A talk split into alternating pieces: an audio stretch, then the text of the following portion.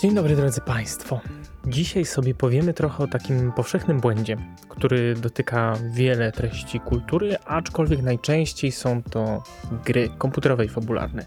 Czasem to się też zdarza w filmach, więc parę takich um, przypadków sobie omówimy, a chodzi mianowicie o coś, co nazywam syndromem Jasona.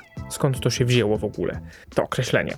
Otóż w 2010 roku studio Quantic Dream w reżyserii Davida Cage'a wydało taką grę, która się nazywa Heavy Rain. I to jest gra, która jest generalnie takim ważnym kamieniem milowym w swoim gatunku, czyli takich interaktywnych filmów w gruncie rzeczy, gdzie bardziej obserwujemy tą opowieść i delikatnie na nią wpływamy, podejmując kluczowe decyzje, niż faktycznie prowadząc tam jakiś bardzo złożony gameplay. I na początku tej gry mamy takie wprowadzenie właściwie do tego, jak ona działa, no bo jest to taka dość niestandardowa gra, jeżeli chodzi o sterowanie mechaniki. I to wprowadzenie to jest zabawa z dziećmi głównego bohatera, a potem e, po kilkunastu minutach jesteśmy w centrum handlowym z tymi dzieciakami, no i jeden z naszych synów, Jason, stąd to imię, znika gdzieś w tłumie. Stąd jest zresztą słynny mem press X for Jason, czyli naciśnij X dla Jasona, żeby zawołać po prostu Jasona, no więc biegamy po tym centrum handlowym, w tym tłumie, klikamy to X, ale nasz syn nigdzie się nie znajduje i ostatecznie ta strata i ta próba poszukiwania tego syna spędzają naszym potem protagoniście sens powiek. Przy czym my jako odbiorcy tej gry, jako gracze, nie jesteśmy jakoś bardzo w to zaangażowani. No bo spędziliśmy z tym dzieciakiem ledwie parę minut w czasie tego tutorialu. Nie bardzo cokolwiek o nim wiemy. I jeżeli już, no to przez jakieś tam reminiscencje czy, czy wspomnienia tego głównego bohatera ale nie jest to nic, co tak naprawdę mocno na nas wpływa. Więc ten JSON jest takim elementem, który powinniśmy znaleźć, którym powinniśmy się interesować, no ale ze względu na ten niewielki bagaż emocjonalny, który JSON ze sobą dla nas niesie, no to, no to nie bardzo nam na nim zależy tak naprawdę. Podobny przykład znajdziemy w grze Far Cry 3, gdzie na samym początku tracimy grupę przyjaciół, z którymi jesteśmy na wakacjach na rzecz lokalnych bandytów, rebeliantów, piratów. I potem po kolei gdzieś tam odnajdujemy na tej wyspie w toku gry, ale generalnie 60 godzin spędzamy robiąc zupełnie inne rzeczy, jeżdżąc sobie po tej wyspie, robiąc tam różne zadania, wyzwalając obozy i nie bardzo się tymi przyjaciółmi interesujemy, no bo chociaż czujemy jakąś tam, w sensie nasz protagonista czuje przymus, żeby to, to robić i od czasu do czasu o tym wspomina, no to my jako gracze nie jesteśmy za bardzo zainteresowani ich odzyskiwaniem, po prostu mamy kupę innych rzeczy do robienia w tej grze, a na nich nam specjalnie nie zależy, bo nie jesteśmy z nimi jakoś bardzo zżyci. Moglibyśmy tutaj podać trochę jak w, w kontrze do, do przykładu Jasona, moglibyśmy podać film Labirynt, w reżyserii Denis Villeneuve'a. On się po polsku nazywał Labirynt, a w oryginale nazywał się Prisoners z 2013 roku, więc chwilę po Heavy Rain. I to jest film, w którym nagle znikają córki, jeżeli dobrze pamiętam, głównych bohaterów, dwóch ojców. No i oni teraz próbują, czy tam córka i syn, i oni teraz próbują ich odzyskać. Ale tamten bagaż emocjonalny jest zupełnie inny, bo to wszystko jest złożone na karp antagonisty, jeżeli możemy go tak nazwać. I właściwie ta gra się nie toczy o odzyskanie tych dzieci, a o dominację i wyciągnięcie zeznań z tego potencjalnego porywacza. Więc tutaj czujemy to napięcie emocjonalne, ale z uwagi na to, że widzimy po prostu tego antagonistę i widzimy, jak ci ojcowie próbują z niego wyciągnąć te informacje, natomiast nie specjalnie skupiamy się na tych dzieciach, bo wiemy, że one gdzieś tam w tle są, one są jakby podmiotem tutaj dla tych ojców, ale my jako odbiorcy dostajemy coś zupełnie innego, zupełnie inny bagaż emocjonalny niż to, co czują ci ojcowie. I pod tym względem to jest lepiej zrobione, bo nie wymaga się od nas, żebyśmy odczuwali tęsknotę za dzieciakami, których w ogóle nie znamy, bo to nie są nasze dzieci, tylko pokazuje nam się tą relację pomiędzy tymi dwoma ojcami, a tym porywaczem domniemanym, z którego oni próbują wyciągnąć tą informację. Zresztą bardzo polecam, jeżeli nie widzieliście tego filmu, to jest naprawdę świetny. Więc yy, my widzimy tą zupełnie inną dynamikę, my widzimy całą tą relację, a nie tylko jej urywek, tak jak w przypadku z, z dzieciakami. W przypadku gier fabularnych, gier komputerowych, bardzo często próbujemy postawić bohatera, jakąś postać, nie bohatera, ale jakąś postać, jako tak zwanego McGuffina. McGuffin to jest taki element w filmie, jakaś taka rzecz, kostka nieskończoności, czy to, czy to jest y, ten Tesseract z Transformersów, czy to są kamienie nieskończoności z Avengersów, czy to jest święty Graal w Indiana Jonesie, czy to są te wszystkie magiczne rzeczy, które musi wykraść ekipa Itana Hunta w, w serii Mission Impossible. To są wszystko McGuffiny, czyli jakieś takie niesamowite rzeczy, które musimy zdobyć. One nie zawsze oczywiście występują. Przykładowo w starej trylogii Gwiezdnych Wojen, a właściwie w pierwszych dwóch trylogiach, praktycznie McGuffinów nie ma. Tam wszystko się rozbija o dynamikę między postaciami. Nowe Gwiezdne Wojny wprowadzają McGuffiny, bo nie mają pomysłu na dynamikę między postaciami. No, myślę, że to szkalowanie tych nowych Gwiezdnych Wojen to już nie wejdzie w nawyk niedługo. Pozdrawiam znowu Krzyśka. I, I tam ta magiczna ekierka na przykład w tej ostatniej części to już w ogóle jest taki bezczelny McGuffin, który widać, że w ogóle jest niezwiązany z fabułą, nie ma na niego zupełnie pomysłu. Ale jeżeli podstawiamy jakąś żywą postać jako McGuffina, to często nie budujemy wokół niej wystarczająco dużego ciężaru emocjonalnego. Więc nasi bohaterowie nasi odbiorcy, nasi gracze nie bardzo chcą w ten temat iść, bo im po prostu nie do końca zależy, żeby się tym przejmować. Możemy też spojrzeć sobie na Cyberpunk 2077, gdzie takim McGuffino bohaterem jest w gruncie rzeczy nasz protagonista, V.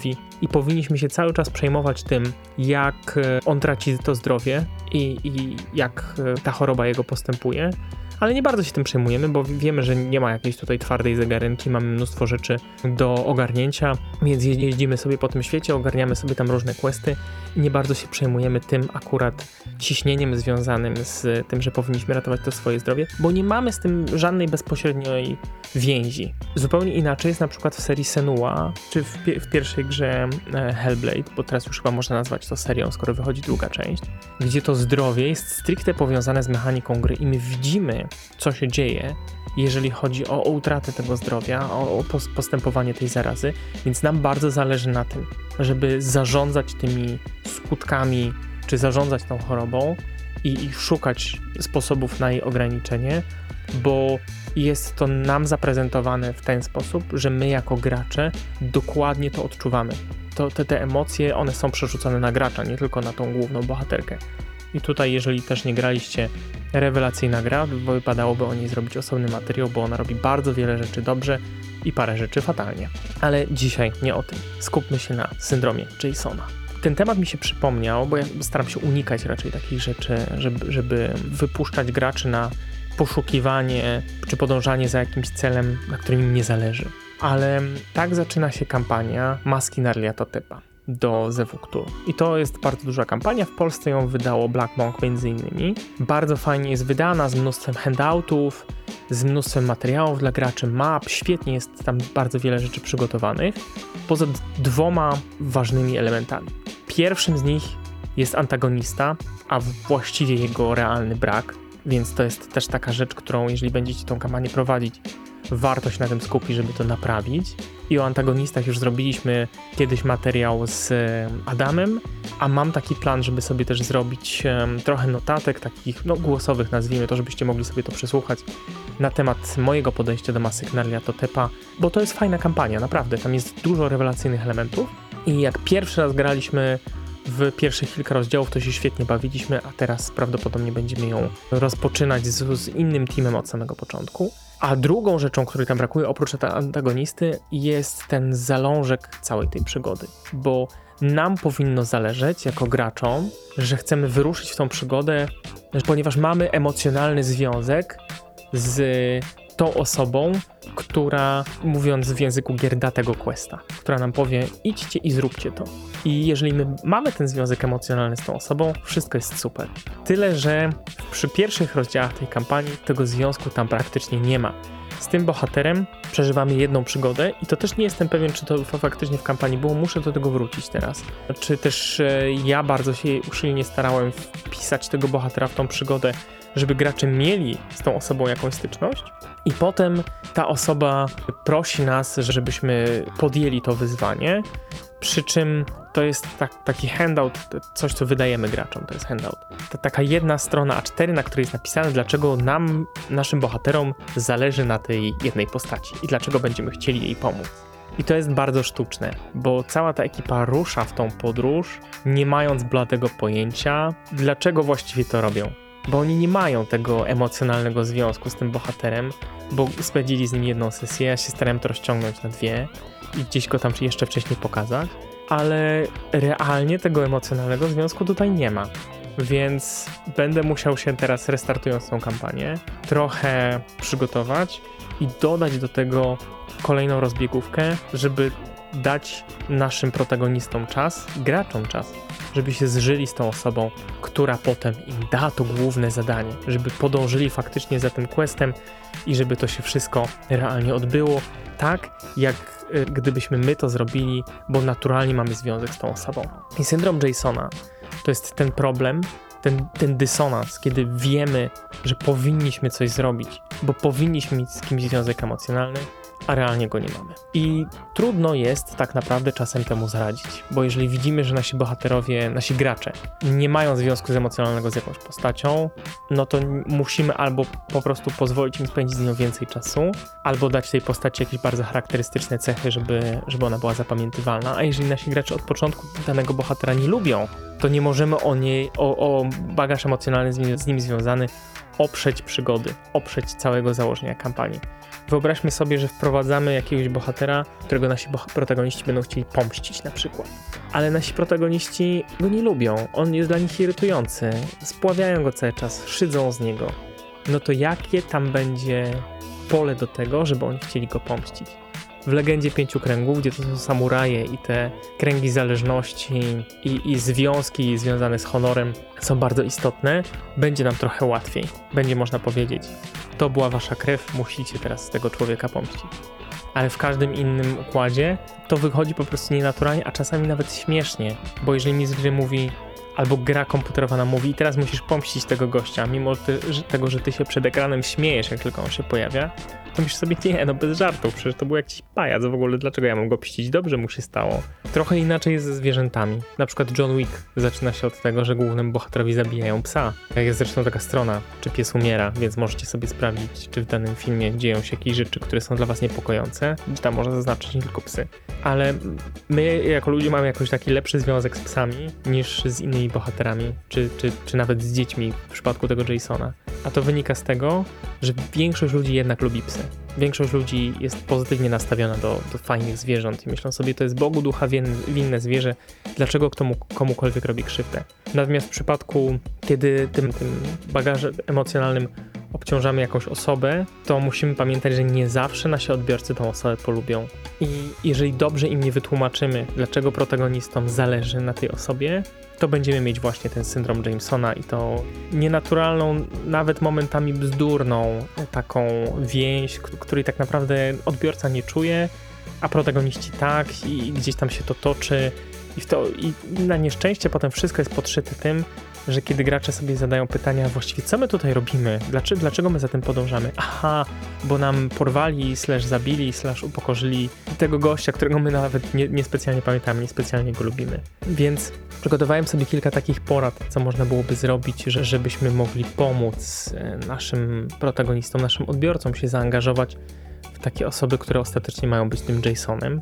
Pierwsza rzecz to jest e, oczywiście zaangażowanie emocjonalne i to mogą być e, takie sytuacje, że naszym bohaterom, naszym protagonistom współczujemy, że oni kogoś tracą, albo po prostu to utożsamiamy się z tymi emocjami, które oni mają. Czy to jest strata, czy to jest wściekłość na, na daną osobę i musimy się zastanowić nad tym, jakie emocje zawsze rezonują. Za chwilę przejdę jeszcze do story arków, ale generalnie jeżeli jesteśmy w stanie sprawić, że ten zestaw emocji, który chcemy wywołać, żeby był przyczynkiem do tego działania, bo to emocje będą przyczynkiem do działania, a nie konkretnie sam bohater, tylko emocje, które są z nim związane, nie konkretnie sam Jason, nie?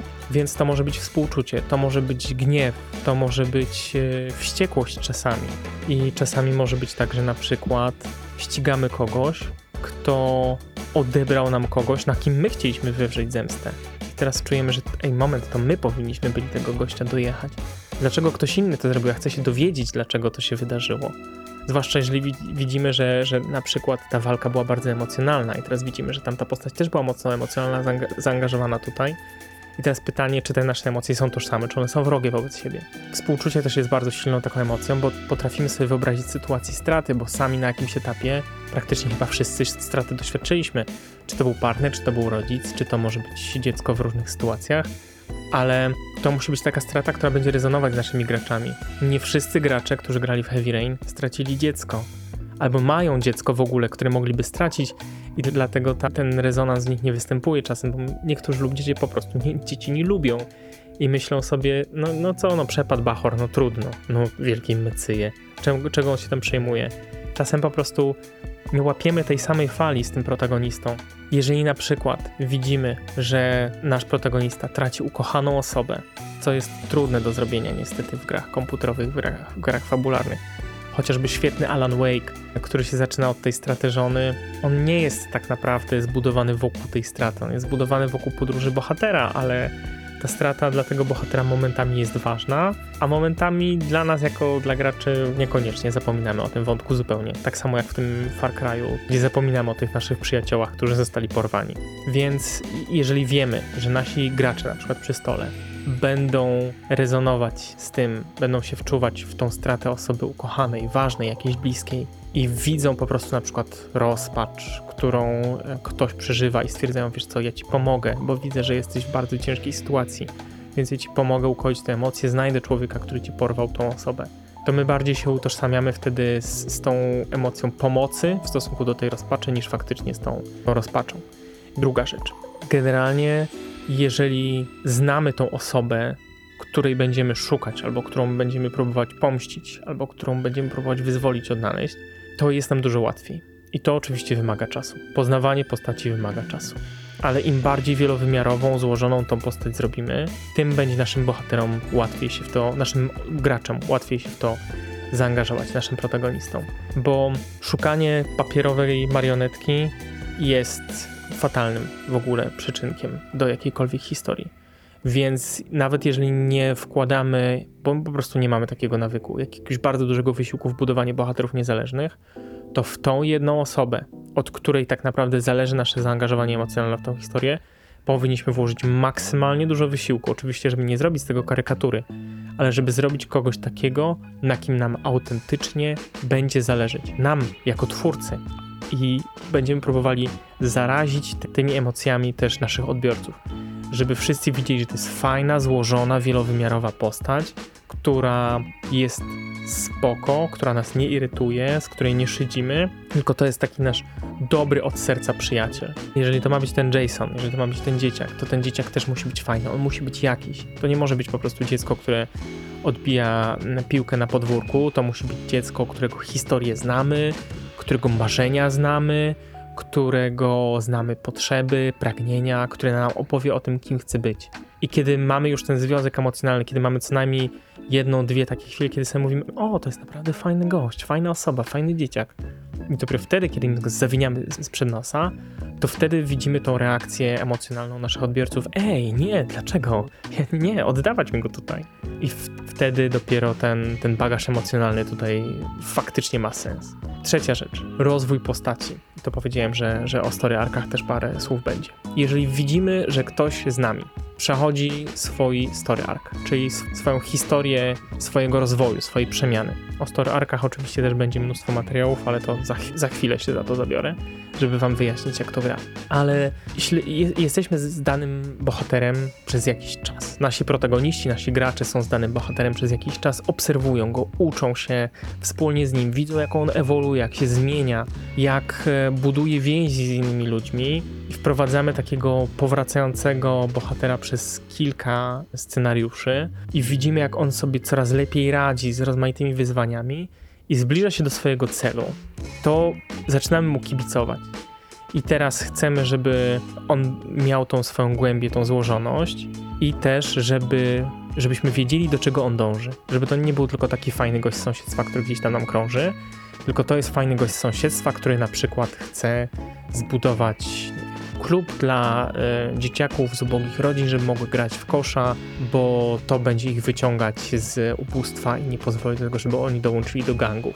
I jeżeli sprawimy, że ta postać ma cel, ma sens, ma tą głębię, ona ma jakąś potrzebę, bo znamy jej historię, czyli na przykład wiemy, że ten nasz bohater sam kiedyś należał do gangu i przez koszykówkę zdołał się stamtąd wydostać, przestał brać, przestał handlować i teraz powraca. Jest mu trochę ciężko, bo musi mierzyć się z tymi szyderstwami, które wszyscy w dzielnicy mają w niego wymierzone, mówiąc, że to jest bez sensu, że ten plan nie ma sensu, ale, on, ale widzimy, jak on z tymi dzieciakami się angażuje, jak on tam naprawdę odżywa, jak on widzi w tych dzieciakach siebie i jak e, to zaczyna wszystko fajnie grać i on idzie coraz dalej i dalej i, i zdobywa fundusze na to, żeby ten klub dla dzieciaków założyć.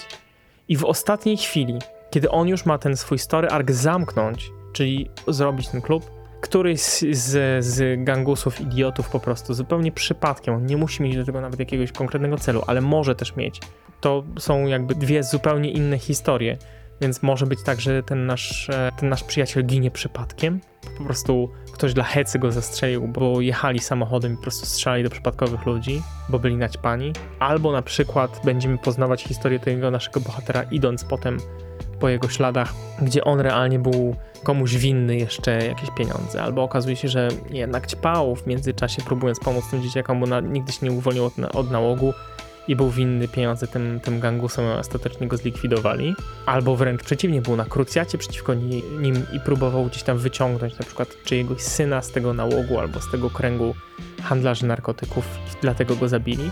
Ale w momencie, kiedy on ginie i my widzimy, że on nie zdołał zamknąć tej historii do końca, to my zaczynamy na to patrzeć zupełnie inaczej. Bo po pierwsze, znamy go, to jest nasz dobry przyjaciel, wiedzieliśmy co on chce, widzieliśmy cały ten jego story arc i dla nas to jest frustrujące, że ten story arc się nie zamknął, nie zakończył.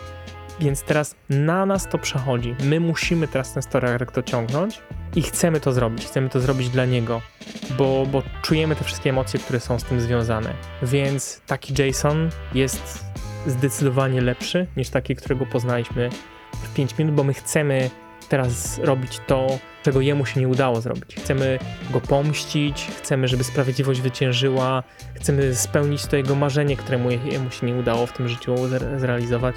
Więc y, dla nas, jako dla graczy, jako dla bohaterów, jako dla protagonistów, to jest zupełnie inna ścieżka, która jest zdecydowanie, zdecydowanie ciekawsza i jest dużo bardziej naturalna, jeżeli chodzi o, o rozwój historii. I, I, ostatnią rzeczą, którą chyba warto tutaj jeszcze podpowiedzieć, jest to, że dużo łatwiej nam podążać za losami postaci, które dla nas są wiarygodne, których osobowość jest spójna, których historia jest spójna, a nie e, szyta gdzieś tam na kolanie. I widzimy, że takie postacie podążają za, za jakimiś tam swoimi celami i ich zachowanie jest zrozumiałe w kontekście wcześniejszych działań widzimy do czego oni chcieli dojść. Dla nas po prostu to staje się taką osobą, którą wydaje nam się, że znamy, bo wiemy, co by zrobiła w danej sytuacji, bo obserwowaliśmy jej naturalny, logiczny rozwój. Więc budując takiego złożonego, fajnego, ciekawego bohatera, którego potem zawijamy graczom, odbiorcom sprzed nosa, dużo łatwiej jest nam ten emocjonalny bagaż tutaj zbudować i uniknąć tego Jason, Jason, w gruncie rzeczy, za przeproszeniem, w dupie mam tego Jasona, bo ja nic o nim nie wiem, dlaczego ja mam chcieć go odnaleźć dlaczego teraz widzę, jak mój bohater przeżywa to wszystko i toczy jakieś monologi w kontekście kogoś, z kim ja nie mam w ogóle żadnego związku emocjonalnego. To dla mnie to jest frustrujące. Już jakby przejdźmy dalej. A tu się okazuje, że cała historia jest na tym zbudowana, więc musimy to po prostu przyjąć za dobrą monetę, że okej, okay, no dobra, jemu na tym zależy, więc mnie też powinno, zróbmy to. I, i tak samo jest w tym Far Cry'u, okej, okay, dobrnijmy do tego finału, bo tutaj nam e, zależy. Dobrym przykładem oprócz e, labiryntu znowu jest ten e, Hellblade Senua Sacrifice, bo ona też coś traci na początku, a właściwie kogoś. Ale my tej osoby właściwie nie spotykamy, dla nas to nie jest jakoś bardzo istotne. Dla nas istotna jest to choroba, z którą ona się mierzy, i dla nas istotna jest ta zaraza, i dla nas istotne jest to, jak ona w tym wszystkim reaguje. Mamy zwią związek emocjonalny z nią, a ona ma związek emocjonalny z tą osobą, którą straciła, ale to są dwie zupełnie inne płaszczyzny zaangażowania. My potrafimy się zaangażować nie w tą historię jej straty, ale w historię jej podróży tutaj. Więc podsumowując, jeżeli chcemy wprowadzić postać jako McGuffina, osobę jako McGuffina, czyli kogoś, kogo będziemy szukać, albo kogo będziemy próbować pomścić, albo kogo będziemy próbować odnaleźć, wytropić, to musimy pamiętać o tym, że po pierwsze, jeżeli ta osoba ma być źródłem naszego kapitału emocjonalnego, to musimy pamiętać, że można to zrobić na dwa sposoby. Albo kapitał emocjonalny jest zainwestowany w konkretnie tą osobę, albo kapitał emocjonalny odbiorcy jest zaangażowany w to, co się wokół tej osoby dzieje i w to, w jak nasi protagoniści na to, na to reagują. W przypadku gier fabularnych najlepiej, jeżeli zbudujemy tą osobę tak, że jej strata faktycznie dla graczy przy stole będzie istotna. Czyli tego się nie da zrobić w jedną sesję. Bardzo mi przykro, ale nie zrobicie tego w jedną sesję. Bo na, nawet jeżeli ta postać będzie na sesji no fajna, po prostu graczom się spodoba, to na następny już będą o tym dużo mniej pamiętać, a jeżeli cała kampania ma być z tym związana, to już w ogóle o tym zapomną za jakiś czas. Więc trzeba po prostu tutaj zbudować tą relację, żeby nam faktycznie jej brakowało. A jeżeli mamy to na przykład w grze komputerowej czy w filmie, to możemy ten ładunek emocjonalny przerzucić z samego McGuffina na reakcję protagonistów na jego brak. I tym sposobem budować to zaangażowanie w emocje, które widzimy, że oni przeżywają, w reakcji na to, co my faktycznie widzimy, że się dzieje. Bo w y, labiryncie na przykład widzimy emocje, które są przeżywane w kontekście spotkania z tym podejrzanym, a nie w kontekście straty tych y, dzieciaków, których my w ogóle nie znamy. Dla odbiorcy nie jest istotny ten bagaż emocjonalny, który dana strata przyniosła, tylko to, co się teraz dzieje i wszystko to, co jest z tą stratą związane i z punktu widzenia potem widza jest to dużo łatwiejsze do zrozumienia, bo my przeżywamy tą historię, a nie przeżywamy straty. Mam nadzieję, że trochę Wam podpowiedziałem, więc e, cóż, żegnam się. Tyle na dzisiaj. E, Zapraszam do subskrypcji, zapraszam do oceniania tego podcastu. To się okazuje teraz jest dość ważne. A jeżeli macie jakichś znajomych e, twórców scenariuszy, pisarzy czy mistrzów gry, to będzie mi bardzo miło, jeżeli podeślecie im czy ten materiał, czy po prostu ten podcast. To tyle na dzisiaj. Do zobaczenia z Bogiem i cześć.